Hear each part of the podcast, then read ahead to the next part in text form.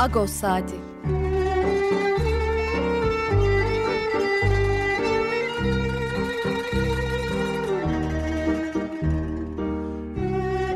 Haftalık Agos gazetesinin penceresinden Türkiye ve dünya gündemi.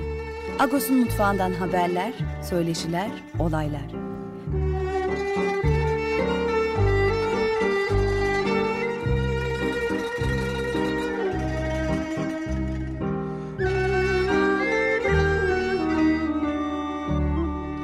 Radyo Agos.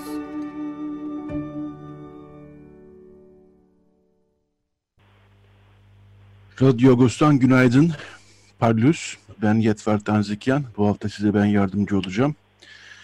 Ee, hangi şarkıyla başladık? Hemen onu bir anons edeyim. Ee, Clocker, yine Ermenistan'da e, kuruluş, faaliyet gösteren bir e, rock grubu, elektronik müzik de yapıyorlar ve aslında geleneksel müziğde böyle biraz evvel dinlediğiniz gibi e, yorumlar getiriyorlar. Bir Gomidas e, ezgisi dinledik çünkü az evvel.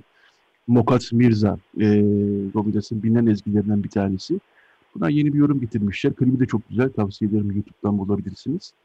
Mokat Mirza, e, Van e, Mox, şimdi Müküs diye biliniyor. Mox'u Mirza üzerine bir e, ezgi. Evet bu hafta e, neler var birazdan e, Pakrates Dükkan'la e, iki haftadır yapamadığımız haftalık olan sohbetimizi hem Türkiye'nin gündemini hem Ermeni toplumunun gündemini konuşacağız. Yılın son programındayız. İkinci bölümde e, insan hakları hukukçusu e, Kerem Altıparmak'la Avrupa İnsan Hakları Mahkemesi Büyük Daire'nin Selahattin Demirtaş kararını konuşacağız. Önemli bir karar çünkü bu hukuki açıdan e, hem Türkiye açısından hem de Selahattin Demirtaş ve HDP'li siyasetçilerin hapiste tutulan HDP'li siyasetçiler açısından önemli bir karar bu.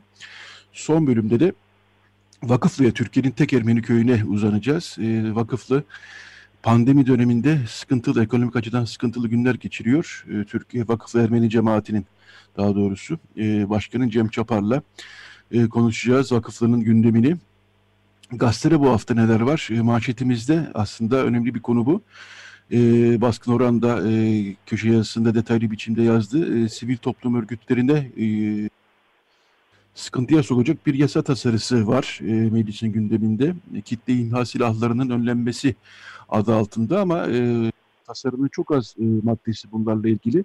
Daha çok sivil toplum örgütlerinde e, hükümetin e, denetimini çok daha sıkılaştıran kayyum atamayı e, yolunu açan e, bir tasarı bu ve hiç e, mahkeme kararı da aranmaksızın e, sivil toplum örgütleri bu tasarıya karşı seslerini yükseltiyorlar. Son olarak 600 sivil toplum kuruluşu bu tasarının meclis genel kurulunda görüşülmesini, durdurulmasını ve e, varsa çıkarılacak bir yasa bunun sivil toplum örgütleriyle e, istişare hakkın e, yoluyla yürütülmesini talep ettiler. E, manşetimiz, manşetimizde bu konu var. Türkiye'nin önemli bir meselelerinden bir tanesi gerçekten bu. E, bu haftanın Lagos'unda ayrıca e, yine pandemi döneminde e, kurtuluş esnafı ne yapıyor, kafeler ne yapıyor, e, geniş bir dosyamız var. E, Vakıflı Köyü'nü e, gazetede, iş, gazetede de işledik Vakıflı Köyü'nün durumunu.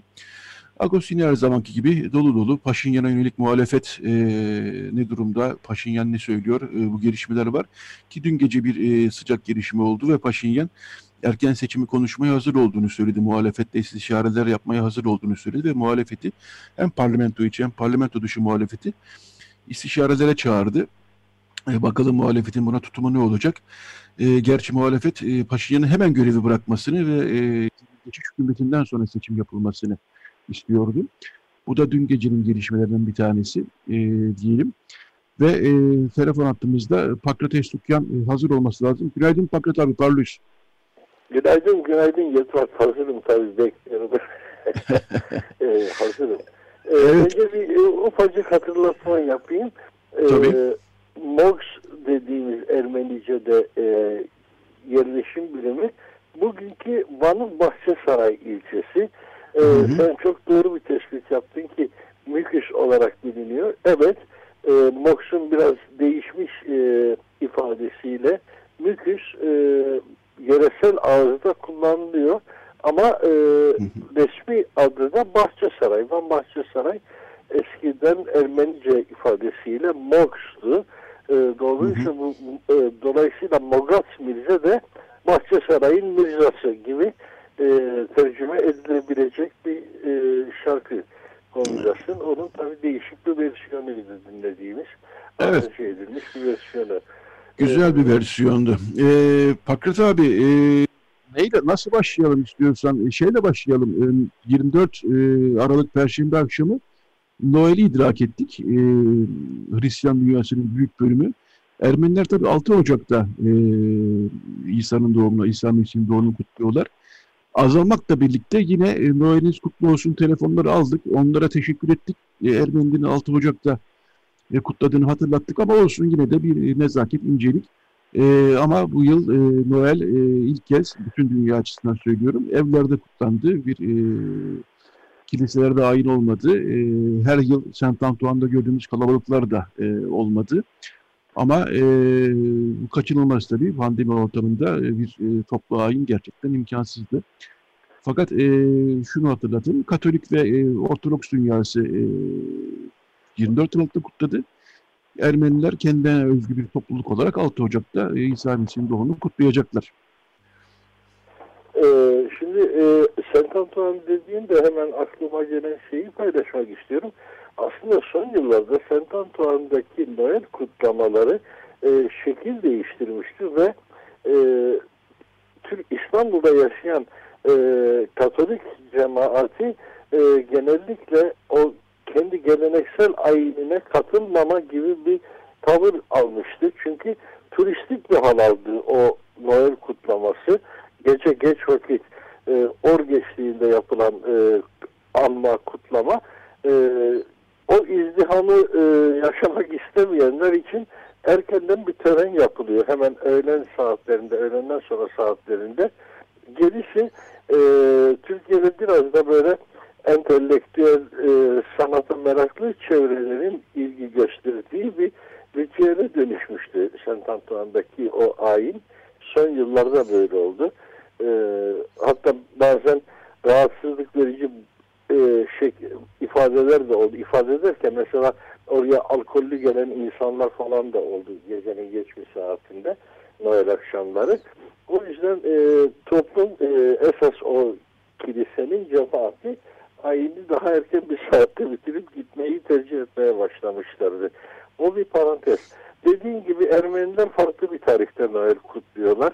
Hatta iki gün önce de Şaman Değirmenciyan Artı televizyonda Aris Nalcı'nın Gamuş programına katılıp bunun biraz hikayesini de anlatmıştı. Neden bu e, tarih takvim farkının oluştuğundan. Çünkü dünya Hristiyan alemi için 6 Ocak e, İsa'nın vaftiz edildiği tarih olarak biliniyor. Hı hı. Ama Ermeniler doğum tarihini ve vaftiz tarihini aynı yere koyuyorlar. Üstelik de bu vaftiz 33 yaşında falan olmuştur yani. Bebekken olan doğumdan hemen sonra olan bir vaftiz de değil İsa'nın vaftizi. İsa Yahudi olarak doğdu. Hemen akabinde hı hı. sünnet oldu zaten Yahudi geleneklerine uygun olarak.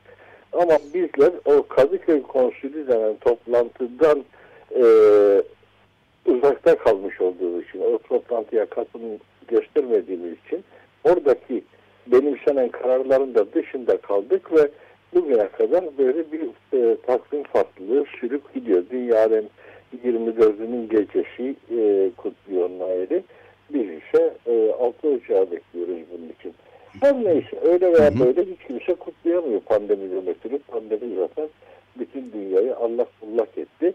E, kutlanamaması çok e, doğal bu şartlar altında. Buna kimsenin itiraz ettiği yok ama işi biraz abartmaya götürdük. Geçenlerde e, resmi yetkililerin çağrıları vardı apartman yöneticilerine. Ev apartmanınızda kutlama yapan varsa hemen bize ihbar edin. Gelip ceza yazalım. Bu çok irite edici geldi. Yani işi bu boyuta taşımak. Hassasiyeti anladık. Evet. Bazı disiplinsiz insanlar da bunlara uymamak için her yolu deniyorlar. İlla ki biz bunu kutlayacağız. Ee, işte alkol de alacağız, geç vakte kadar da eğleneceğiz falan gibi bir havalar da var yılbaşı gecesi için. E, bu tasvip edilecek bir e, davranış değil, bir şuursuzluk hali. Bunun için mekanlar kiralanıyor. Yani e, yazlık yerlerde villa kiralıyorlar insanlar ki 8-10 kişi gitsinler oraya. Sonrasında da yasak var. Veya oteller organizasyonlar yapıyorlar. Siz gelin bize yılbaşı günü bir parti düzenleriz burada sokağa çıkma yasağında da iki gün, üç gün misafirimiz olursunuz deyip herkes bir yandan da işin ekonomik e, özelliğini de düşünüyor. Bundan nasıl bir fırsat yakalarız düşüncesiyle. Bunlarla tabii mücadele etmek gerekir ama ev içinde de 4 kişi 6 kişi yan yana gelmiş diye polise ihbar etme süreci çağrısı yapmak e, biraz artık rahatsızlık verici gibi geliyor. Bilmiyorum ne düşünüyorsun sen? Evet, e, doğru. Yani e, insanlar yılbaşında e, bir arada olmak isteyebilirler. Çok e, kalabalık olmadan yani abartmadan. E, şu da bir gerçek. Bu pandeminin de e, ev buluşmalarına yayıldığında artık biliyoruz. Yani çünkü uzun süreli temas e, nefes temasından yayılıyor. E, ihbarcılığın teşvik edilmesi tabii ki e, hakikaten e, can sıkıcı bir şey bir taraftan. E, sıkıntılı günler geçiriyoruz. E, haklısın e, Pakrat abi. E, Noel demişken yalnız bir notu e, ileteyim daha sonra gazetenin içine geçelim. Azerbaycan Cumhurbaşkanı Aliyev'in de eşiyle beraber Noel ağacı önünde bir Noel kutlaması fotoğraf paylaşması hayli gündem oldu. Dün e, baktım Twitter'da e, toptan yani şey e, en çok konuşulan konular içinde Aliyev vardı. Hayırdır ne oldu gene filan diye tıklayıp baktım Aliyev'le ilgili Twitter'daki şeyi başlıklara. Meğerse e, büyük bölümü Aliyev'e tepki göstermiş. Niye Noel ağacı önünde e, eşinle beraber poz veriyorsun? Savaş savaş e, savaş e, meydanında kazandır ama e, Hristiyan kültürünü kabul ettiğin zaman savaşı kaybetmiş olursun diye sert eleştiriler vardı. E, Azerbaycanlı e, Twitter sosyal medya kullanıcılarının büyük bir kısmı da e, bu Türkiye'den gelen eleştirilere e, tepki gösteriyorlardı. Niye eleştiriyorsunuz, ne var bunda gibisinden. Dolayısıyla e, böyle bir enteresan bir durumda e, oldu. Onu da not düşelim. E, Aliyev e, savaş kazanmasından sonra e, ilk kez bu kadar büyük bir e, tepkiye e, maruz kalmış oldu Türkiye'den. E, Türkiye'deki İslamcı ve milliyetçi daha doğrusu e, kullanıcılar Biz tarafından. daha önce de söyledik. Aliyev'in Türkiye'de sempatik unsuru olabilmesinin tek koşulu Ermeni düşmanlığıdır. Onun dışında Aliyev'le Türkiye toplumu arasında ortak şeyler bulmak çok da kolay olmayacaktır. Daha doğrusu salt Aliyev'in şahsıyla değil, genel olarak Azerbaycan toplumuyla Türkiye'de özellikle 18 yıldan beri AKP iktidarı döneminde Türkiye'de topluma empoze edilen din anlayışıyla aynı günün Azerbaycan'daki yaşanma şekli çok farklı birbirinden. Azerbaycan insanının inancına yaklaşımıyla e, Türkiye'de vitrine çıkarılan e, yaşam şekli birbirinden çok farklı. E, orada insanlar alkol de tüketirler, yılbaşı da kutlarlar. Bunlar da burada dinci çevrelerin doğal olarak tepkisini çekebilecek davranışlar. Toplumların e, kültürel e, süreci birbirinden çok farklı olduğu için böyle şeyler yaşanıyor.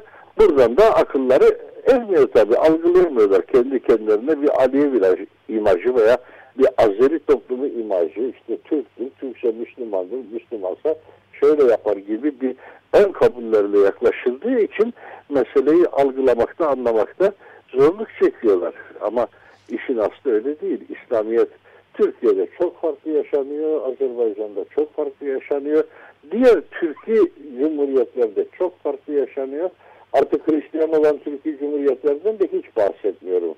Yani bir yandan da Evet. biliyoruz Gagavuzlar falan gibi toplumlar var. Moldova'da, Romanya'da, şurada, burada. Onların zaten İslamiyet yaşaması söz konusu değil ama Türkler Türkçe konuşuyorlar. Etnik olarak, ırksal olarak Türk e, aidiyetine sahipler ama inançları çok farklı. Fakat Türkiye özellikle son 18 yılda daha çok bir Arapçı İslamiyeti benimsediği için onu e, vitrine çıkarmaya çalıştığı için ve bunu bir yaşam şekli olarak da topluma sunmaya çalıştığı için Azerbaycan'da gördüğü görüntüler e, herhalde infial yaratıyordur.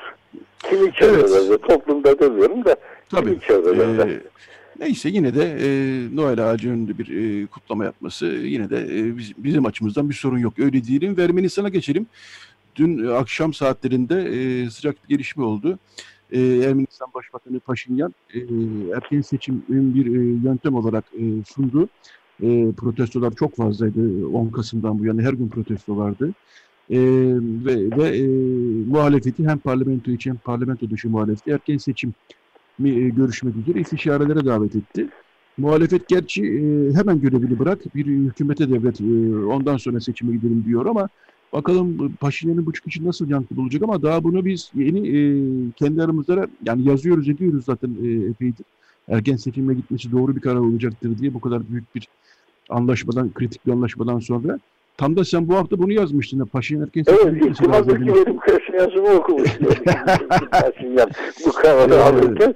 Çünkü ben tam da bunu söyledim. Yani e, iktidarı devretmeden e, seçimlerin mümkün mertebe şeffaf olmasını sağlayarak herkes için e, kabul edilebilir olduğunu sağlayarak seçim sonucunun e, erkenden seçime gitmesinden başka bir çıkar sanki yok. Çünkü muhalefet ısrarcı ve e, biz ne kadar da küçümsemeye çalışsak da belli bir kitlede oluşmuş durumda. Bu da görünüyor. E, mitinglerde falan belli bir kitle ve bu kitle e, oldukça da aktif. Mesela işte o Sünik bölgesine e, yapacağı ziyareti sabote edebilmeyi başardılar. Gerçekleşmedi o e, ziyaret. Yolları kapadılar araçlarla. Konvoyunun geçmesine fırsat vermediler falan. E, sonuçta 16 partiden oluşan bir ittifak var. E, bunların arasında taşnakların da olması diasporanın da buna yavaş yavaş basını yoluyla en azından meylettiğine delalet. Biliyorsun kimi basın bu konuda bayraktarlık yapıyor. Yani Paşinyan'ın kellesini alma. Bu bir Yeniçeri tepkisi aslında. Ee, Yeniçeriler de herhangi bir savaştaki bir mağlubiyetten sonra mutlaka bir kelle alırlardı. Çoğunlukla sadrazam kellesi olurdu. Bu padişah kellesine güçleri yetmezdi. Ama sadrazam kellesi alırlardı. Kazan kaldırmak diye bir tabir vardı e, Osmanlı tarihinde. Muhtemelen şu anda Ermenistan'daki muhalefette e, savaşın bu şekilde sonuçlanmasının faturasını Paşinyan'a çekmek istiyor. Tabii ki bu e, hareketin e, elebaşılığını da eski oligarşik e, aktörler üstlenmiş oluyorlar. Onların temsil ettiği siyasi güçler e, üstlenmiş oluyorlar. Bütün bu haliyle çok can sıkıcı. Doğru orada bir e, savaş kaybı var. Orada bir e, ciddi sayıda askerin hayatını kaybetmesi var. E, 5000'e yakın askerden bahsediyor. Bunlardan 3000'i resmen tanımlanmış e, otopsileri yapılmış, defnedilmiş usulüyle askerlerken e, 1500-1600 tane de e, akıbeti belli olmayan, halen aranan ya da bulduysa teşhis edilemeyen askerden bahsediliyor. Bunlar çok büyük sayılar Ermenistan için. Ermenistan'ın toplam nüfusu 3 milyonsa eğer e, bu 5000 e, kayıp sayısı çok e, ciddi bir şey. Karşı tarafında bu kadar kayıp vermesi kimsenin yüreğini ferahlatacak bir veri değil. E, biz burada her fırsatta herkes için çok üzüldüğümüzü söyledik. Yani bütün 18 yaşındaki çocukların milliyeti, etnisitesi hangi tarafta olduğu konusu bizi asla ilgilendirmemeli. Biz 18 yaşında çocukların, 19 yaşında çocukların mecburi askerlik hizmeti yaparken böyle ölmesine asla razı değildik. Ama e, yanlış siyasetlerin ya da e, çözümsüzlüklerin ya da uluslararası çıkarların e, faturası bunlarla ifade ediliyor işte. E, bunların bedeli bu oluyor. Birileri oradan oraya yol alacağım, oradan oraya boru döşeyeceğim, buradan buraya bilmem ne yapacağım. Oraya da 5000 kişilik, 3000 kişilik bir askeri e, karargah kuracağım diye hesap yaptıklarında o hesapların faturası böyle çocukların kaybıyla ifade ediliyor ne yazık ki. Evet Fakret abi, e, bu bölüm için son birkaç dakikamız e, Ermenice sayfalarda neler var? Biraz da ondan bahset istiyorsan. Sonra bir şarkı çalalım. Tabii ki Ermenice sayfalarda bu hafta gene e, halen e, köşe yazarlarımız ağırlıklı olarak bu konulara e, değiniyorlar. E, yoğun olarak bunlardan bahsettik. Yani Karabağ Savaşı'nın sonuçları. Çünkü e, bir yazarımız Ermenistanlı Türkiye'de yaşıyor. Diğeri Ermenistan'da yaşayan bir Ermenistanlı. Her ikisi de bu meselelerle çok ilgili. Türkiye'de yaşayan Ermenistanlı aynı zamanda bir öğretmen e, ve Karabağ Savaşı'nda e, ölenler arasında eski öğrencilerinden olan insanlar da var. Dolayısıyla bir anlamda bu meseleyi tenlerinde hisseden insanlar e, o duygusallık içerisinde yazıyorlar. Ama e, neyse ki özellikle öğretmen olan arkadaşımızın e, hümanist e, dünya görüşü e, çok olumlu bir mesajlarla yazılar yazılmasına yol açıyor. Nitekim bu hafta ki yazısında da e, gene bir başka eğitimciyle Heriknaz Avakyan da bir söyleşisi vardı. E, onları okurken ben hakikaten bir yandan bazen duygulanıyorum ama bir yandan da e, barışa olan inancım pekişiyor sanki. Diğer taraftan Noel Gaduryan gene e, sözcüklerin etimolojisiyle e, çok yoğun uğraşıyor. E, bu haftada yosun e, sözcüğünün analizini yaptı. Yosun sözcüğünün edebiyatta kullanılmış halinden örnekler verdi. Kapsamlı güzel bir yazıydı. E, ve tabii şeyi biz de tercüme ettik. E, İstanbul'daki esnafın e, pandemi sürecini nasıl yaşadığı, nasıl atlatacağı, e, kimin ne durumda olduğu. Orada da ilginç şeyler var. Çünkü e, pandemiden hemen önce yapılmış girişimler var. Yani e, 2020'nin Şubat'ında, Ocağında açılmış işletmeler var. Tam ki bir şeyler yapmaya çalışıyorken pandemi gelmiş ve e, ciddi mağduriyetler yaşamışlar.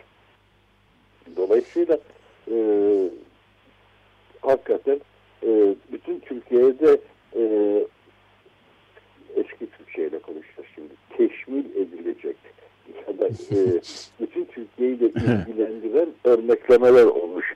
E, oradaki e, konuşan esnafı Türkiye'nin herhangi bir yerinden e, gene bulup aynı şeyleri dinlemek mümkün olabilir. Bir yurdum hali çünkü aktardıkları şey. E, Onu evet. ilginç bulduğumuz için tercüme ettik o röportajları. Lucien Kopar'ın, Lucien Kopar'ın röportajlarını. Ermenice sayfalarından Evet. bundan ibaretti bu anda. Evet, e, kurtuluş esnafı diyoruz tabii daha çok e, Ermeni toplumundan e, girişimcilerin e, faaliyetlerini mercek altına aldık. Fakat bütün Türkiye için aynı model, e, aynı durum sıkıntı geçerli. Bir de e, çoğunun da şikayet ettiği gibi e, e, serzenişte bulunduğu konu şu, e, bir devlet yardımı alamıyorlar. E çünkü e, bekliyorlar haklı olarak bütün yerler kapandı e, ve e, büyük borca girerek e, buraları açan kişiler e, hakikaten çok sıkıntılı durumdalar ve e, aynı sanatçılara verilen aylık bin liralık ödenek gibi e, esnafa da verilen e, da verilmeyeceği tam da netleşmeyen bu e, devletin ödenekleri e, büyük sıkıntı yaratmış durumda. E, detaylarını bu haftaki Ağustos'ta bulabilirsiniz e, diyelim. Evet Fakret abi e, yılın son programında bütün yılı konuşacağız demiştik ama çok da vakit kalmadı ama zaten e, yılın son bir haftasında olup bitenler bile yılın e, neredeyse tamamını anlatan e, bir özellik taşıyor. E, Evet, dolayısıyla programa başlamadan önce aklımdan zaten e, tam da bunlar geçiyordu. Radyo Ağustos'ta bir seneyi daha devirmiş olduk diye düşünüyorum. Bir yandan da e, bu radyo programı oldukça özgün bir program oldu. E, bizim tahmin edeceğimizden, öngörebileceğimizden çok daha geniş bir e, dinleyici kitlesi var. E, ve günlük yaşamımızda da zaman zaman o dinleyici kitlesiyle karşılaşabiliyoruz da. E, bu da ayrı bir e, duygusal motivasyon da yaratıyor.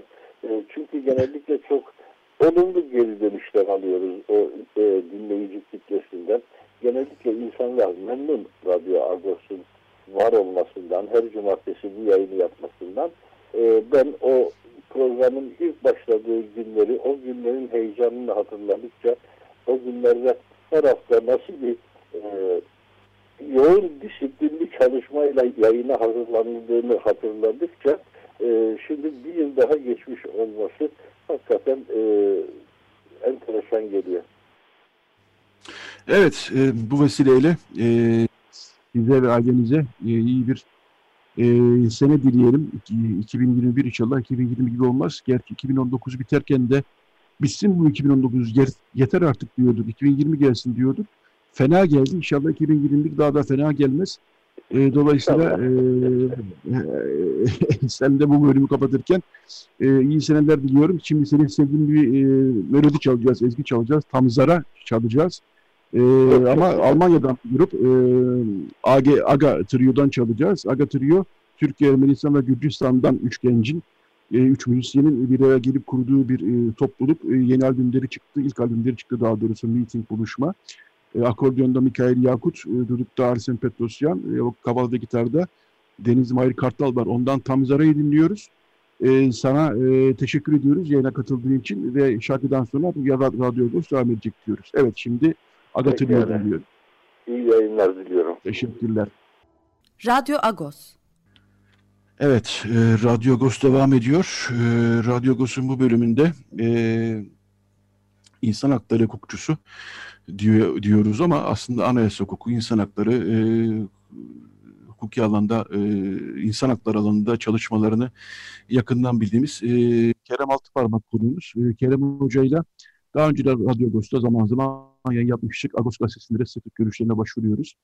E, Kerem Hoca ile neyi konuşacağız? Avrupa İnsan Hakları Mahkemesi kritik bir karar, büyük daire e, kritik bir karar aldı hafta içi.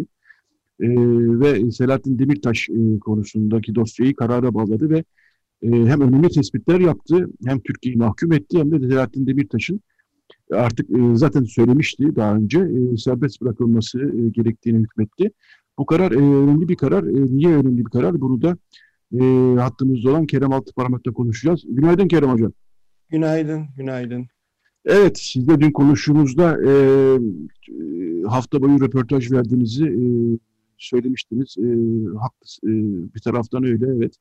E, bağımsız basın size başvuruyor sürekli. Fakat ben de size demiştim ki haklısınız hafta boyu röportaj vermekten belki biraz yorulmuş olabilirsiniz ama şu da var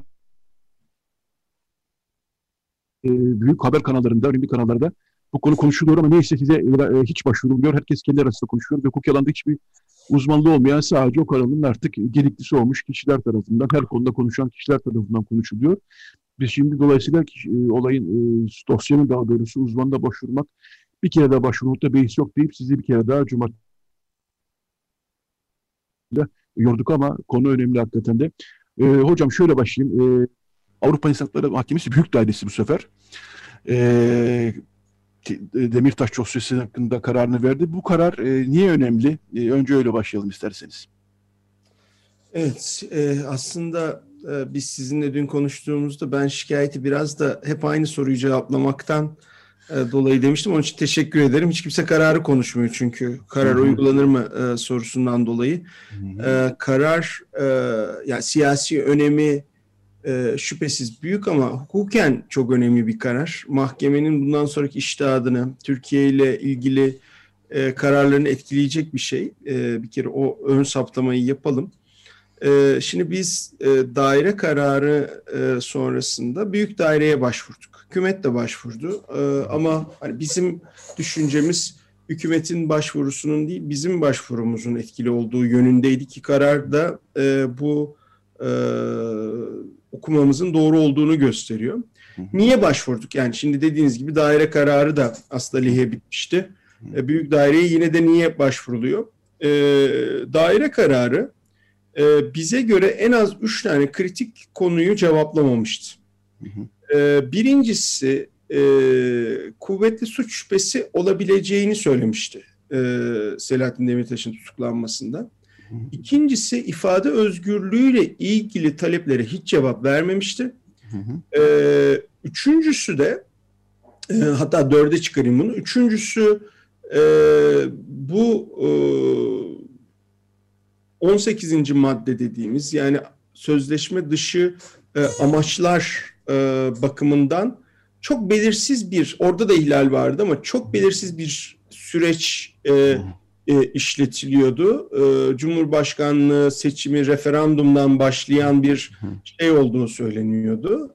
E, ve dördüncüsü de bence en kritik e, olan husus e, dokunulmazlıkların kaldırılması meselesinin e, hukuken bir sorun olmadığını ifade ediyor. Şimdi bu karar e, açıkçası ben iki tanesi bizim lehimize gelseydi bile e, memnun olacaktım ama dördünü de Hani dördünde de haklı olduğumuzu düşünüyorum yanlış anlaşılmasın ama evet. dördünde de bizim lehimize e, karar veriyor ve e, belki konuşuruz. E, hı hı. Somut olarak şu anki yargılanan tutuklu olan siyasetçilerin e, davalarına doğrudan etkisi olacağı gibi uzun vadede e, başka hususlarda da çok önemli şeyler söylediği için Türkiye'de yargılanan yüz binlerce insanın e, davasında hukuken tabii yani ayakta etme kısmını bir kenara bırakıyorum. Hukuken çok önemli etkisi olacak saptamalarda bulunuyor. Ee, devam edeyim mi bu dört tabii, tabii. ne dediğini? Ee, evet. Tabii yani en e, göze çarpan sizin e, yani bu kararda benim gözüme çarpan e, bir kere Demirtaş tutukluluğunun siyasi olduğunu hükmetmesiydi. Bu çok önemli evet. bana, bana göre ama ben sözü size bırakayım. Evet. Şimdi birincisi e, ben kendi açımdan en önemli gördüğüm noktayla e, başlayayım o zaman. Herkes siyasi meselesini söylüyor. Tabii ki önemli ama o siyasi olma noktası sadece bir ceza mahkemesinin kararıyla alakalı değil. Aslında bu karar Türkiye'de bizim şikayet ettiğimiz devletin e, adalet açısından rayından çıkmasının çok komplike ve organize bir örneği. Şimdi hı hı. sorun nerede başlıyor? E, Demirtaş bir milletvekili, e, diğer milletvekilleri yani dokunulmazlık kaldırılanlar gibi normal koşullarda da yargılayamıyorsunuz. Ama hı. 2016 yılında e, kararda görebileceğiniz üzere Cumhurbaşkanı'nın konuşmaları e, ve tırnak içerisinde talimatlarıyla bu dokunulmazlık kaldırılıyor. Şimdi hükümetin e, iddiası şuydu ya biz bu dokunulmazlıkları kaldırdık ama bu dokunulmazlıkları kaldırmasak da zaten bir gün milletvekili bitince bundan yargılanacaktı birincisi. İkincisi de e, biz onun için kaldırmadık ki herkes için kaldırdık yani bir kişi özel bir uygulama yapmadık diye. Şimdi Venedik Komisyonu e, dokunulmazlıkların kaldırıldığı zaman daha tutuklama vesaire yokken bunun ad hominem ve e, belli kişilere yönelik bir e, düzenleme olduğunu ortaya koymuştu. E, ama daire kararı bunu göz ardı etmişti. Biz büyük dairede bir kez daha dedik ki şimdi tutuklamanın yasal bir dayanağının olması lazım. Yasal dayanak ceza muhakemesi yasasının 100. maddesi tutuklamayı öngörüyor. Ama biz dedik ki bir milletvekili açısından tek yasal dayanak bu değildir.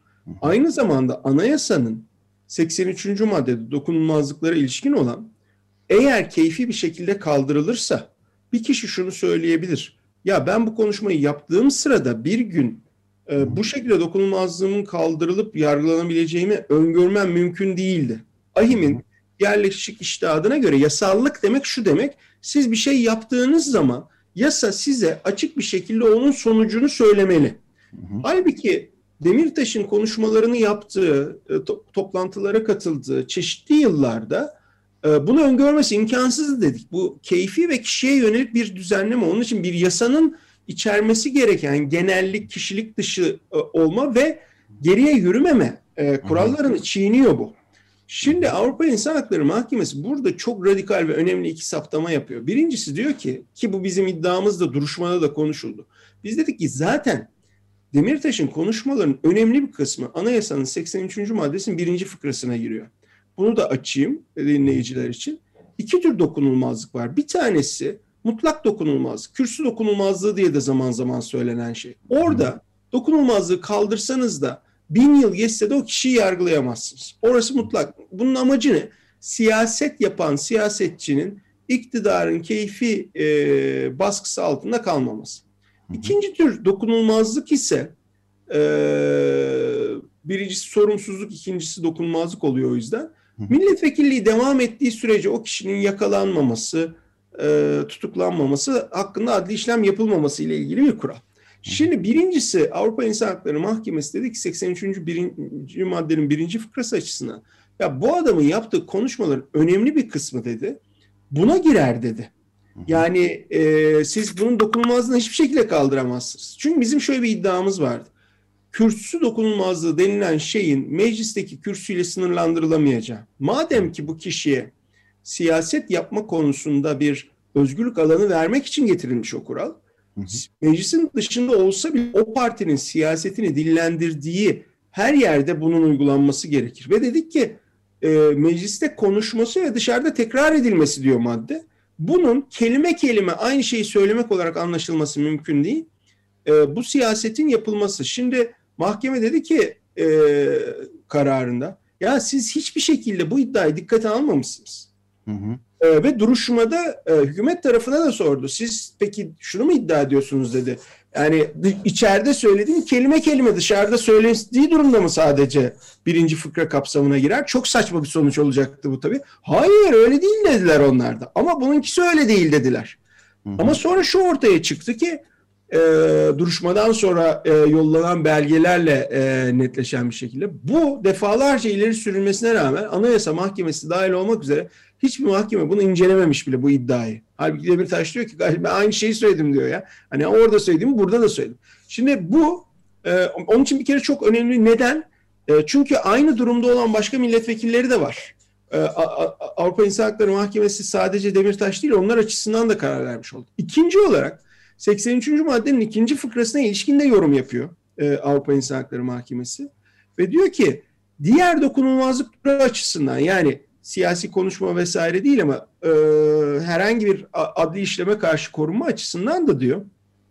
Siz ne kadar e, aksini iddia etseniz de siz aslında HDP'li ve kısmen CHP'li milletvekillerini hedeflemişsiniz. Bakın burada da çok ilginç bir bilgi var.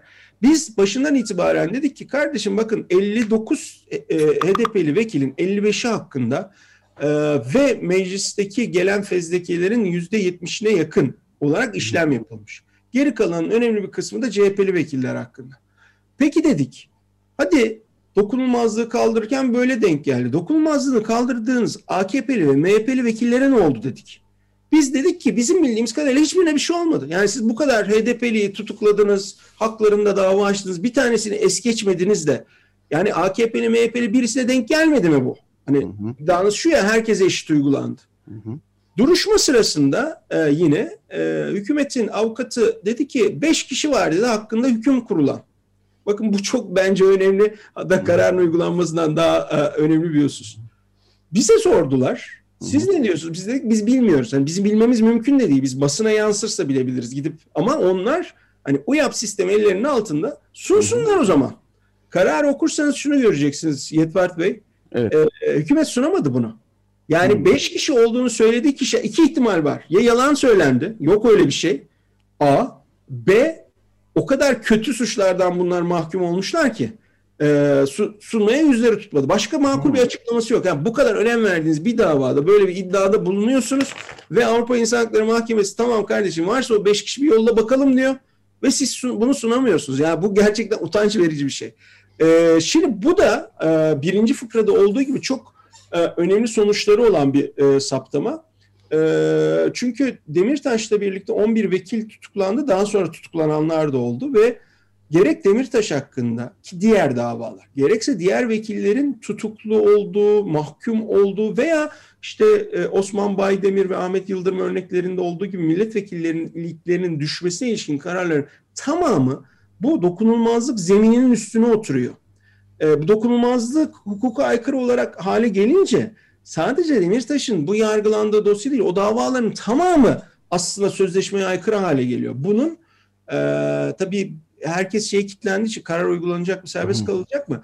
Çok daha önemli bir implikasyonu olduğu e, sonucu çıkacak. Bütün HDP'li vekillerin çıkarılması lazım şu anda hakkında karar verilenlerin. E, kararlarının gözden geçirilip beraat ettirilmeleri lazım. Yani ahim kararı uygulanırsa. Bir kere bu onun için çok hayati ve önemli bir şey. Ama bir şey daha söyledi bu konuda. Yani durum o kadar vahim ki Türkiye'de. E, Demirtaş, Türk Ceza Kanunu 314. maddesi uyarınca örgüt üyeliğinden tutuklanmıştı. Hı hı. E, mahkeme elindeki delillere bakınca şunu saptırdı. Dedi ki orada da yasallık ilkesi gerçekleşmemiş. Evet Yargıtay'ın bir iştihadı var o iştahda göre e, örgüt üyesi olmak için yoğunluk, e, süreklilik ve çeşitlilik gerekiyor.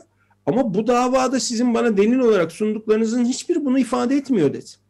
E, onun için bu açıdan da yani ceza kanunu uygulanması açısından da bir yasal dayanağı yok dedi. Bakın bu ifade özgürlüğüyle ilgili e, diğer saptamalardan e, önce daha ortada sizin uygulayabileceğiniz bir yasa yok. Siz yasa uygul yani kendi yasanızı uygulamamışsınız diyor mahkeme.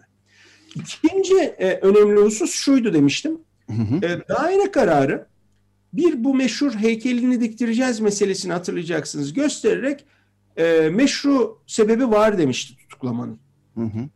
E, daha doğrusu şöyle demişti kuvvetli şüphe olduğu varsayılabilir. Biz iki tezileri sürdük. Dedi ki birincisi ifade özgürlüğüne ilişkin inceleme yapmadan sen bu konuda karar veremezsin. Çünkü tutuklama e, yapılan e, eylemin neredeyse tamam bu bu insanın konuşmalarına dayanıyor. Sen e, onları tek tek incelemeden nasıl karar verebilirsin ki buna? İkincisi dedik e, öyle e, hükümetin e, laletan bir şekilde sunduğu ya bak şu da var bu da var inceleyemezsin.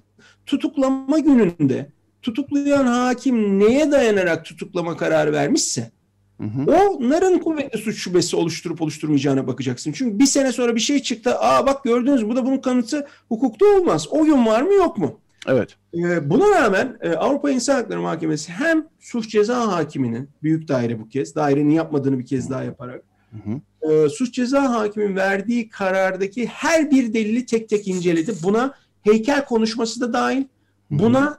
Meşhur Kobane olayları da dahil. Bu durmadan papağan gibi 53 kişinin ölümü diyorlar ya. Evet. Ee, Avrupa İnsan Hakları Mahkemesi o konuşmayı daha doğrusu o tweet'i değerlendiriyor ve diyor ki kardeşim evet toplumun bir kısmını rahatsız eden bir yönü olabilir bunun ama bunun içerisinde hiçbir şiddet çağrısı yok. Bunun içerisinde hiçbir nefret dili yok.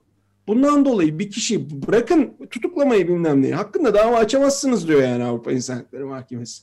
Ee, aynı şekilde heykel meselesini de şöyle değerlendiriyor. Diyor ki siz bunu kendi kendine bir tane heykel dik dedi diye şey yapamazsınız. Evet bir hı hı. terör örgütü lideri hakkında konuşmuş olabilir. Ama ne zaman konuşmuş? Çözüm süreci sırasında siz de Öcalan'la konuşuyorken ve hatta barış sürecini onunla birlikte yürütüyorken adam bunu konuşmuş ve e, aslında kendisi bakımından bir durum değerlendirmesi yapmış ve bunu söylemiş diyor. E, buradan çıkarak siz hani onu e, cımbızla çekip nerede olduğunu söylemeden bağlamından kopararak nitelendiremezsiniz diyor. Böylece tamamı açısından sadece bu ikisi açısından değil her bir delil açısından kuvvetli suç şüphesinin olmadığını e, saplıyor Avrupa İnsan Hakları Mahkemesi. Çok e, uzadı. Onun için şeyle bağlayayım sizin söylediğiniz siyasi e, tutuklama meselesiyle ilgili de şunu söyleyeyim. Şimdi daire kararı kuvvetli suç şüphesi var dediği için e, bu 18. madde ihlalini bize göre anlamsız bir yerde başlatıyordu. Biz halbuki dedik ki ya kardeşim bu e, hikayenin başından itibaren şöyle bir durumla karşı karşıyayız. E, Cumhurbaşkanı konuşuyor birdenbire fezleke yağmaya başlıyor e, şeye meclise. E, yani şöyle söyleyeyim size e, normalde 7 yılda e, meclise gelen HDP'li vekillerle ilgili e, fezleke kadar fezleke 4 ay içerisinde hazırlanıp yollandı. Yani o kadar muazzam bir sürat ki bu. Sayıları da vardı bizde. Onların hepsini sayılarıyla sunduk. Ve ne zaman oluyor bu e, Yetvart Bey? Cumhurbaşkanı konuşuyor. İki ay bu içinde mesela 20 tane yeni fezleke geliyor Demirtaş'la gibi. Bir daha konuşuyor 30 tane daha yeni geliyor. Biz bunların hepsini koyduk bir. İkincisi dedik ki ya bu e, adam 4 Kasım 2016 tarihinde e, bir operasyonla gözaltına alınıyor. O operasyonun yapıldığı gece 15 tane milletvekili farklı illerden aynı saatte gözaltına alınıyor. Türkiye'de Türkiye Cumhuriyet Başsavcılığı diye bir şey yok. Her ilin başsavcılığı var ve bu 15 kişi birbiriyle ilgili bir suçtan alınmıyor. Yani bir örgütlü suçtan alınmıyor. Her birinin farklı nedeni var. Yani bir mucize mi oldu hepsinin birden gece birde hadi biz operasyona çıkalım. Yani bunun bir tek açıklaması var. Ee, bir şekilde merkezi e, bağlamda yönetilmesi diye. Şimdi mahkeme e, bunu da e, bizim argümantasyonumuzu izleyerek başından itibaren anlatarak karara bağlıyor. Yani bir, bir yerde Cumhurbaşkanlığı seçimi de oldu orada da değil. Ya başından itibaren bu absürtlüğü görüyor ve iki şey söylüyor. Bir, yani bu kişinin hikayesiyle ilgili sorunlar var ama bir de diyor Türkiye'nin diyor yargı bağımsızlığıyla ilgili bu çok önemli yani. Ee, çünkü bunu e, davaya taraf olan Avrupa e, Konseyi İnsan Hakları Komiseri e, e, verileriyle ortaya koymuştu ve diyor ki ya Türkiye'de Hakimler Savcılar e, Kurulu'nun 13 üyesinin 6'sını Cumhurbaşkanı atıyor, 7'sini e, meclisteki çoğunluk atıyor. Yani bütün bu olaylar tesadüfen değil, tam da aslında bu yapının bozukluğundan kaynaklı olarak e, oluyor. Onun için başından itibaren aslında bir şey var. E, sonraki işte Erdoğan'ın, e, Bahçeli'nin, e, Soylu'nun konuşmalarını aslında bu saptamadan da bağımsız düşünemeyiz. Yani e, adeta e, mahkemenin ne kadar haklı olduğunu kanıtlama çabası içerisine girdiler. Yani o zaten tam da bunu e, ihlalin kökeninde görüyorum. Evet, e, Kerem Altıparmak e, çok iyi anlatıyorsunuz. Araya gir, girmiyorum, giremiyorum aslında. E, o kadar e, akıcı gidiyor ki e, yani olayı özetlemek açısından. E, ama e, son beş dakikaya girdiğimiz için şunu... Tamam, e, zaten bitirmiştim burada. Evet, şunu son e, olarak şunu sorayım. Şimdi kaçınılmaz soruyu soracağım. E, uygulan, e, uygulanır mı uygulanmaz mı sormuyorum. Uygulanmazsa ne oluru soruyorum ben size.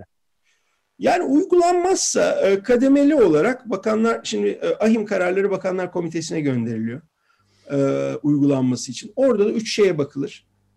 Eğer bir tazminata masraflar hükmedilmişse o ödenecek. Eğer bireysel önlem alınması gerekiyorsa ki burada gerekiyor tahliye o yapılacak ve genel önlemler yani ihlalin kaynağı sadece o davaya özgü bir şeyden değil e, biraz önce anlattığım gibi dokunulmazlıkların kaldırılması vesaire gibi sorundan kaynaklanıyorsa onların düzeltilmesi lazım. Onun için bir kere bu kararın uygulanması çok uzun sürecek. Bu kararın uygulanması en kolay yanı bence Demirtaş'ın tahliye edilmesi. Onu da altını çizelim. Öbürü daha zor çünkü. Ee, o yüzden pat diye kapanması zaten mümkün değil bu dosyanın. Ama o tahliye meselesi, meselesi yerine getirilmezse ee, Bakanlar Komitesi'nin elinde tekrar ahime bu kararın uygulanmadığının tespitini yaptırmaya gitmekten tutun da e, Türkiye'nin konsey içerisindeki haklarını askıya almak ve nihayetinde e, Avrupa Konseyi'nden ihraca kadar giden bir e, süreç var. Ben oraları göreceğimizi zannetmiyorum. Yani hani muhtemelen e, bir şekilde bu çözülecek e, diye düşünüyorum ama e, sadece öngörüm şu Hı hı. Osman Kavala dosyasında normalden daha hızlı gelişti e, bu izleme süreci. Biliyorsunuz Kavala hala içeride ama Bakanlar Komitesi 3. toplantıda her 3 ayda bir toplanıyor.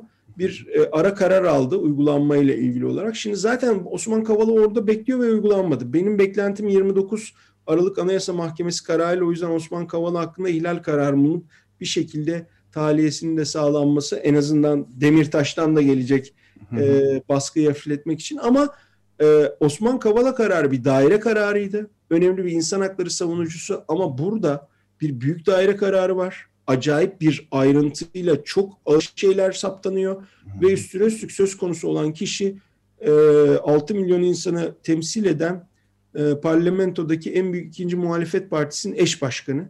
E, ben buradaki tazikin daha güçlü olacağını, onun için sürecin daha hızlı işleyeceğini düşünüyorum. Ha bunu söylediğim zaman şuna cevap veremem. Nedir yani hızlıdan kastın? 3 ay mı, 5 ay mı, 10 ay mı derseniz onu bilemem ama e, bu böyle e, karar çıktı. E, hükümet bir şekilde uygulasın, e, kapalı kapılar ardında e, yürüsün gibi kalmayacak bir dosya. Tahmin ediyorum çok fazla bir kere Uluslararası İnsan Hakları Örgütü Bakanlar Komitesi'nin e, önünde e, bir şekilde bunun tartışılmasını sağlayacaklar. E, oradan sonraki kısmı siyaseten ne kadar direnebileceğine bağlı e, hükümet. Evet. E, gerek Ağustos'ta gerek bu programda e, açık radyoda da zaten bu sık sık dile getiriyor. Osman Kavala'nın da e, Selahattin Demirtaş'ın yanı sıra Osman Kavala'nın da e, haksız biçimde e, hapiste tutulduğunu dile getiriyoruz. 29 Aralık'ta da e, önemli bir e, Anayasa Mahkemesi'nin e, duruşması olacak. E, oradaki kararında ne olacağını e, dikkatle izliyor olacağız. Çünkü sizin de bahsettiğiniz gibi e, Avrupa Konseyi çünkü e, geçenlerde de şunu söyledi e, Türkiye'ye. Kavala ile ilgili e, Avrupa İnsanları Mahkemesi kararını e, Anayasa Mahkemesi uygulamıyor. E, bunu da e, not ettik ve bunun da sıkıntı yaratacak bir şey olduğunu söyleyelim. Özetleyerek söylüyorum bunu. Kabaca söylüyorum. Ki e, yani iki dosyada da hakikaten Türkiye hukuki açıdan e, kendini savunamaz durumda Avrupa e, Avrupa İnsan Hakları Mahkemesi nezdinde. E, hocam çok teşekkür ediyoruz. Yani bu e, sadece bu dosyalar değil, e, haksız yere hapiste tutulan e, insanların e, tahliyelerini tabii ki buradan bir kez daha dile getiriyoruz ve e, bu kararların da buna e, en azından temelli olarak vesile olmasını tekrar dile getirmiş olalım. E, Sen Hakları Hukukçusu Kerem Altıparmak e, konuğumuzdu. Hocam çok teşekkürler. E, son teşekkür. derece son derece açık biçimde, e, net biçimde e, dosyanın önemini de e, neler olduğunu da e, anlatmış oldunuz. E, size kolaylıklar diliyorum e, ve iyi bir sene diliyorum. E, yılın son programındayız. O vesileyle e, sizlere... Evet, ben de dinleyicilerinize e, iyi 2020'den kesinlikle daha iyi olmasını dilediğim bir yıl diliyorum. Evet, çok teşekkürler hocam.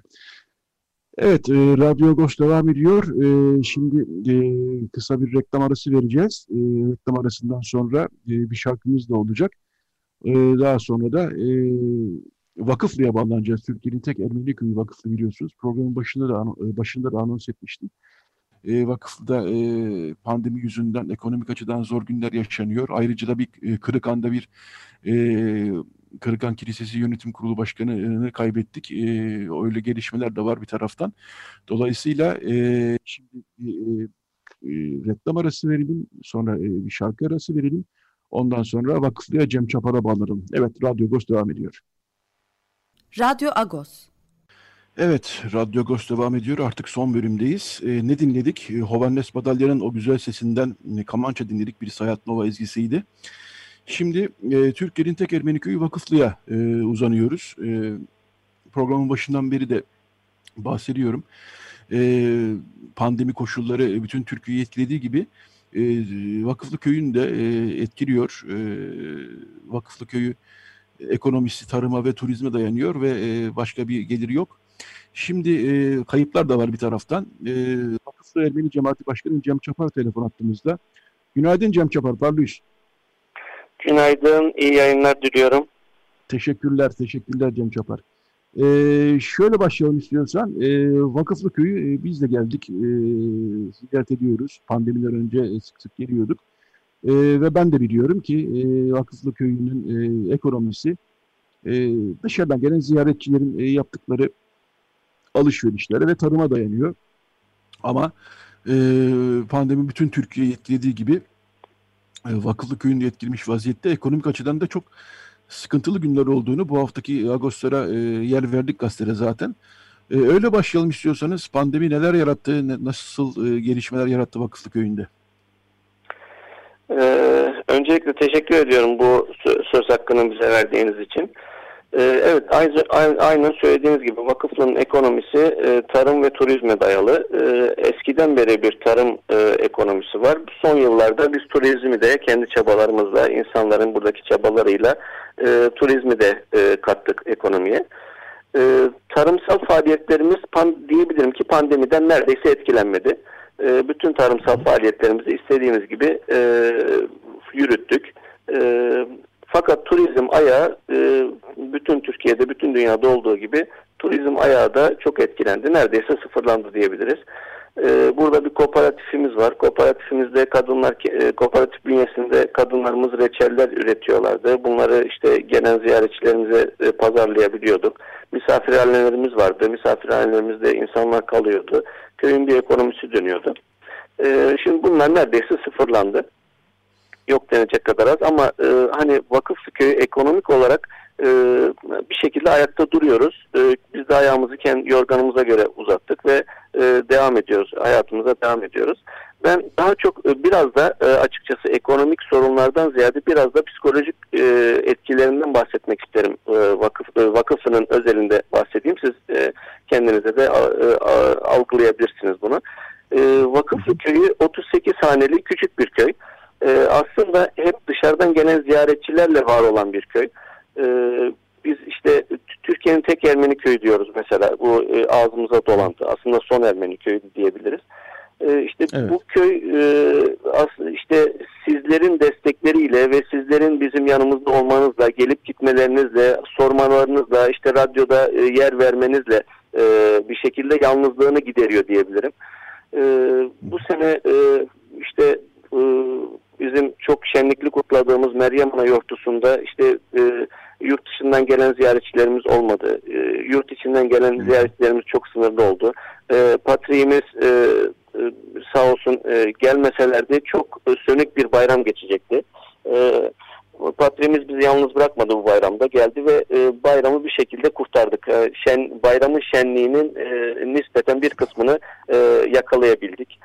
E, pandemi sürecinde e, işte köyü köy yapan özelliklerden birisi sosyal ilişkileridir. Hani hep e, anlattığımız hı hı. işte şehirleşmenin ve sanayileşmenin insanları uzaklaştırdığı, aynı apartmanda oturan kişilerin kimseyi tanımadığı büyük şehirlerden e, an, anlatılan büyük şehirlerden ziyade e, köy ortamında insanların sosyal ilişkileri, birbirlerine akşamlamalara gitmeleri, gelmeleri, yemek sofralarının ortak kurulması, imece usulüyle tarlada, bağda, bahçede çalışmaları, e, köy kahvesinde ortak sohbetler e, edil, e, sohbetlerin edilmesi, e, e, bu işte bunlar uzaklaştı. E, bunlar uzaklaştı hayatımızdan.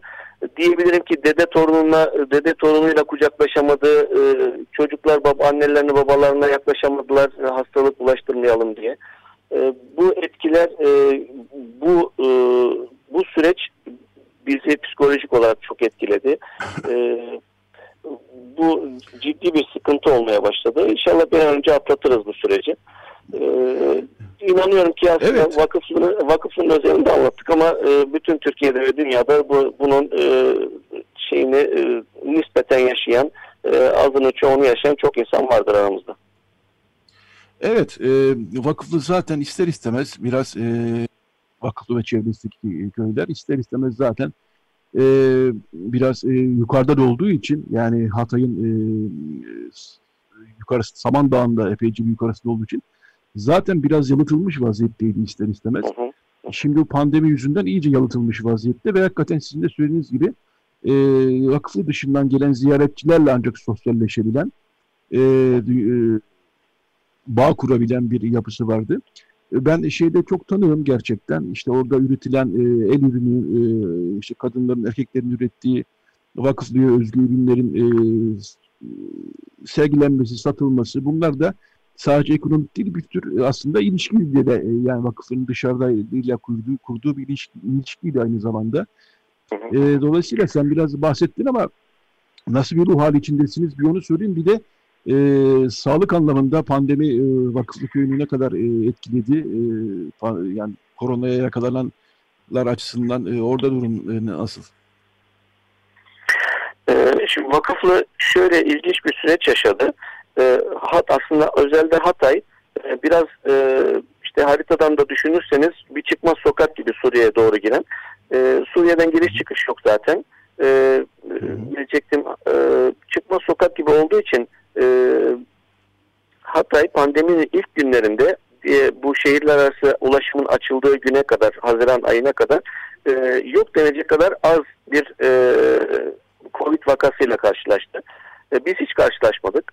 O dönemde bütün Hatay çok dikkat etti kendine. İşte insanlar birbirinden uzak durdu, izole ettiler kendilerini. Fakat kimse kimse de yakınlarında veya e, gördüğü çevresinde hastalığı görmeyince insanlar e, Haziran e, şeyden sonra bir bir süre sonra birden saldılar kendilerini. Nasıl olsa bu hastalık yoktu. E, olmamıştı, bize gelmemişti diye. E, fakat Eylül sonrası hastalığın etkilerini Hatay'da çok ciddi bir şekilde yaşadık. E, Hatay'da birden vakalar %140 artışa ulaştı. E, bundan vakıflı da nasibini aldı. Dört tane vakamız oldu e, vakıflı köyünde. E, dört, çok şükür dördü de iyileştiler. Şu anda yeni bulaş noktası da yok. Hani e, yeni bulaşan da yok. Tabii tekrar olabilir. Tekrar başka bir yerden gelebilir ama e, vakıflıda da dört, dört tane COVID hastamız oldu. Onlar da iyileştiler. Şu anda COVID hastamız yok. E, ve e, inşallah bu süreci bu şekilde atlatırız diye düşünüyorum. Kayıp olmadan e, bütün Türkiye ve dünyada. Anladım. Ee, bir gelişme daha var. Ee, Kırıkan. Ee, Kırıkan'da küçük bir Ermeni cemaati e, oldu e, hep e, ve Kırıkan'ın da bir e, yönetim kilise vakfı yönetim kurulu vardı. E, onun e, başkanı sanıyorum e, geçtiğimiz e, haftalarda e, hayatını kaybetti değil mi? E, bir ondan da bahsedebilirsen. E, Evet, Garbis Kaplan çok e, yakın tanıdığım e, akrabamdır aynı zamanda. E, eniş, eniştemdir aynı zamanda. E, bu evet. elim hastalıktan kaybettik e, Garbis Kaplan'ı. E, Kırıkhan Kilisesi'nde büyük emekleri olan e, büyük emekleri olan Garbis Usta'ydı. E, büyük bir e, isim yapmış bir otomobil tamircisiydi. 81 yaşındaydı. E, Kırıkhan Kilisesi'nin var olmasının en büyük sebeplerinden birisiydi kendisi. Çok büyük emekleri vardı. Çok üzücü üzücü oldu bizim için. 81 e, yaşında dediğime bakmayın genç bir yüreği vardı. Hala o yaşına rağmen koşturur ederdi. Yani yaşının 81 olduğunu söylemeseniz 60-65 yaşında bir adam sanırsınız. enerji dolu bir insandı. Çok üzücü oldu bizim için kaybı. E, hastalık sürecini de yakın takip ettim. E, akrabam olması e, sebebiyle ama e, kurtaramadık. E, başka canlar gitmesin diyorum. E, Ee, peki e, biz de rahmet diliyoruz. Peki Kırıkan'daki Ermeni e, cemaati e, kaç kişilik bir cemaatten bahsediyoruz? E, Kırıkan uzak değil mi yani şey vakıflıya biraz? Kırık şöyle şöyle anlatayım. Ee, şimdi Kırıkan e, e, Kırıkan Ermeni cemaati e, 1915 sonrası oluşan bir e, cemaat. E, o kadar e, geliş, e, gelişmiş ki o 1915'ten 1939'a kadar e, Kırıkan e, ilçesinin belediye başkanı Ermeni. E, hmm. Anadolu'dan kaçan e, işte e, Anadolu'dan kaçan e, kişiler e, Hatay'ın Türkiye'de olmaması e, e, düşüncesiyle diyelim. E, evet. E, dolayısıyla e, Kırıkhan'da yeni bir Ermeni yerleşimi yapmışlar. E, Kırıkhan'da hep Ermeni varlığı var ama e, 1915'ten sonra çok gelişen bir Ermeni varlığı oluşmuş. E, Kırıkhan'da birkaç tane kilise, e, birkaç tane misyoner kilisesi dahil e, e, e, bu tip e, yapılanmalar oluşmuş. E, 1939'da Hatay'ın Anavatan'a katılmasıyla beraber e, Kırıkhan Ermeni cemaatinin çoğunluğu e, buradan Suriye ve Lübnan'a göç etmişler. Ve tabii ki e, diğer Avrupa ve Amerika'ya göç etmişler. Kırıkhan'da az bir cemaat kalmıştı. E, en son e, e, en son işte Garbis ustamız orada e, yaşıyordu. E, Gar Garbis usta da şu anda İskenderun'a taşınmıştı. Yani en son artık İskenderun'a taşınmıştı. Cemaati yok denecek kadar azdı. Bir kişi Garabet e, Babek hı hı. şu anda Kırıkhan'da e, bizim tek e, temsilcimiz orada. Orada yaşıyor. Kırıkhan'da yaşıyor. Garabet Babek eğer e, şey Tapyos Babek'in kardeşidir. E, tanırsınız diye söylüyorum. Evet, e, evet. E, şu anda tek kişilik bir cemaatten bahsediyoruz aslında. E, ne Peki e, hukuki açıdan da e, ilginç bir durum doğurdu e, diye düşünüyorum. Çünkü o, o vakıf e, sonuçta e, var olan bir vakıftı. Onun şimdi nasıl bir başkanı ve yönetim kurulu olacak, e, ne tür bir e, hukuki süreç ilerleyecek acaba konuştunuz mu hiç bunları? Avukatlarla Şimdi, İstanbul'daki? Bu, evet yani bu aslında bütün e, sadece Kırıkhan'ın özelinde değil bütün Türkiye'deki cemaat vakıflarının e, şu andaki en büyük problemi diye ben e, tanımlayabilirim. E, seçim yapamıyoruz. E, böyle dolayısıyla şey şu andaki yönetimlerin hepsinin çoğunun değil artık hepsinin e, seçim e, süreleri doldu. E, biz e, cemaatimizden e, işte 5 yıllığına seçilmek için izin aldık. 5 yıllığına seçildik ama e, onun ben mesela 10. yılımı tamamladım. E, artık tekrardan e, halkımızdan şey almak e, onay almamız gerekiyor. E, bu Kırıkhan Kilisesi'nin de bir sorunu. E, bu işte İstanbul'daki bütün cemaat vakıflarının sorunu aslında. E, şu anda geçici bir çözüm e, yönetim kurulu kendi arasında toplanıp yeni bir e, şey yapacak. Yeni bir başkan seçecek. Ee, hani burada bir parantez açayım Covid önlemleri çerçevesinde sanırsam 16 Ocağı kadar e, toplam şey yönetim kurulu toplanması da yasak. E, yönetim kurulu toplanması da yasak ama bir şekilde e, yönetim kurulu kendi arasında yeni bir başkan seçecek. E, ama seçilen yani yönetim kurulunun seçtiği başkan da sonuçta cemaatten onay almamış bir e, yönetim kurulu artık yani süresi dolmuş bir yönetim kurulu. E, bir an önce aslında e, cemaat vakıflarının da e, seçim sürecin seçimin önünün, önünün açılması gerekiyor diye düşünüyorum.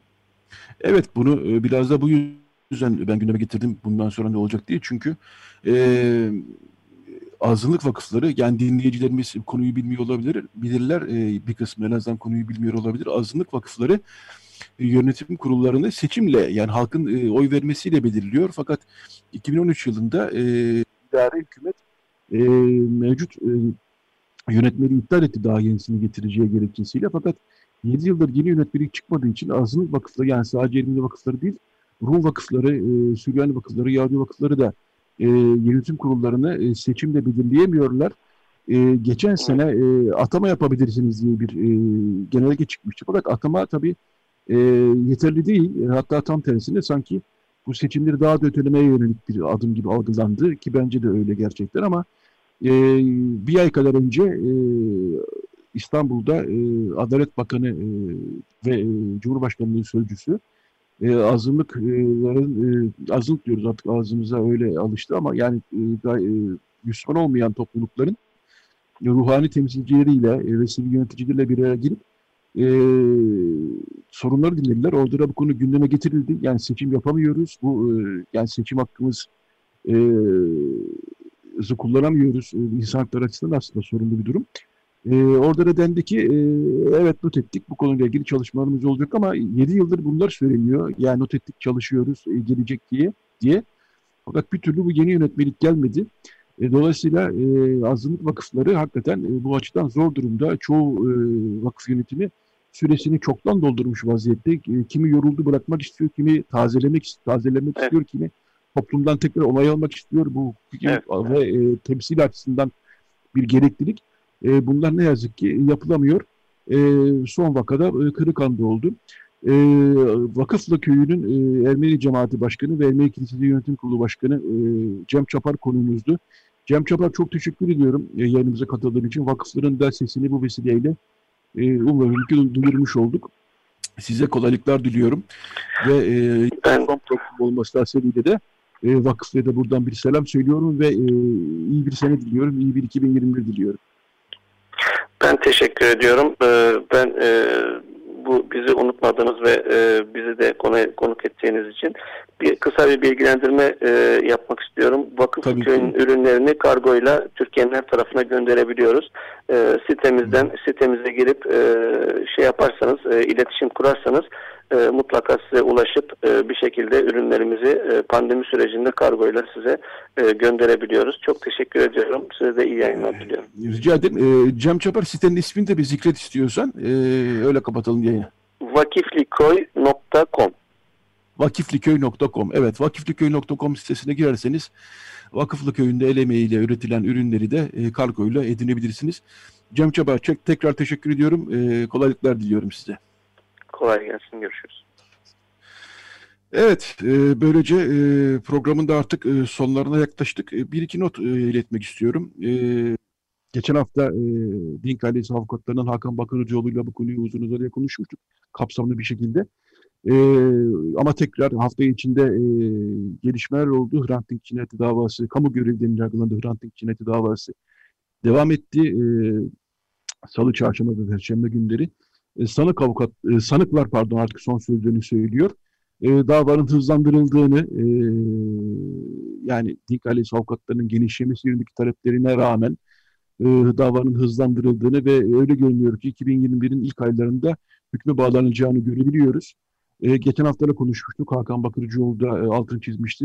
Dink ailesi avukatları tam tersine davanın e, soruşturmanın şu aşamada yeterli kadar e, kapsamlı olmadığını e, ve cinayet öncesi e, döneminde özellikle soruşturma katılması yönünde talepler getirdiklerini söylemişlerdi.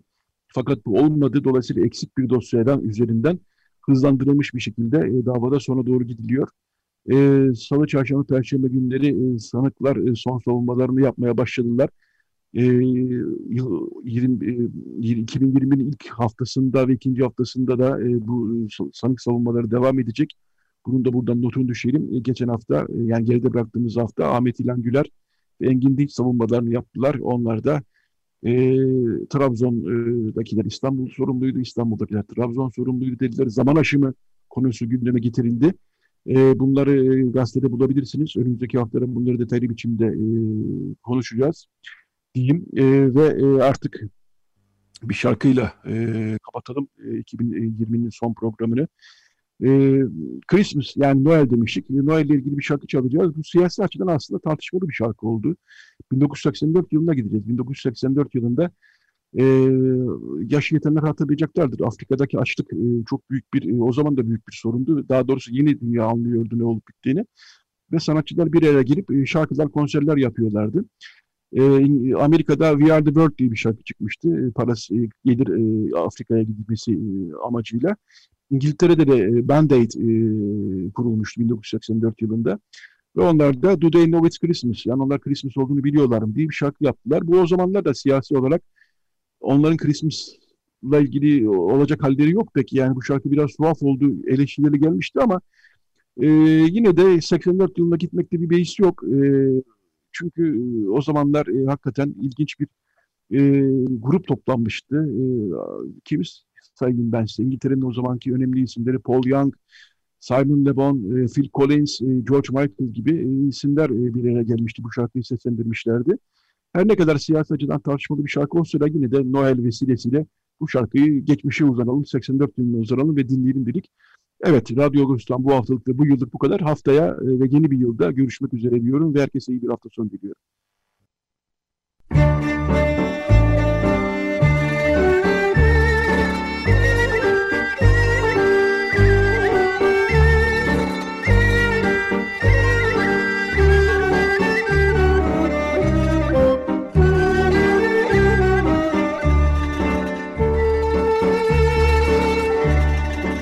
Agos Saati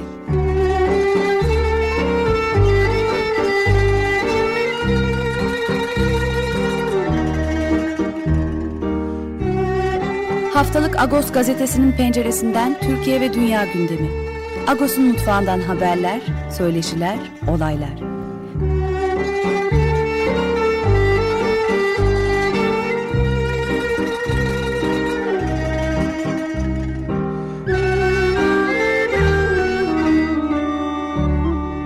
Radyo Agos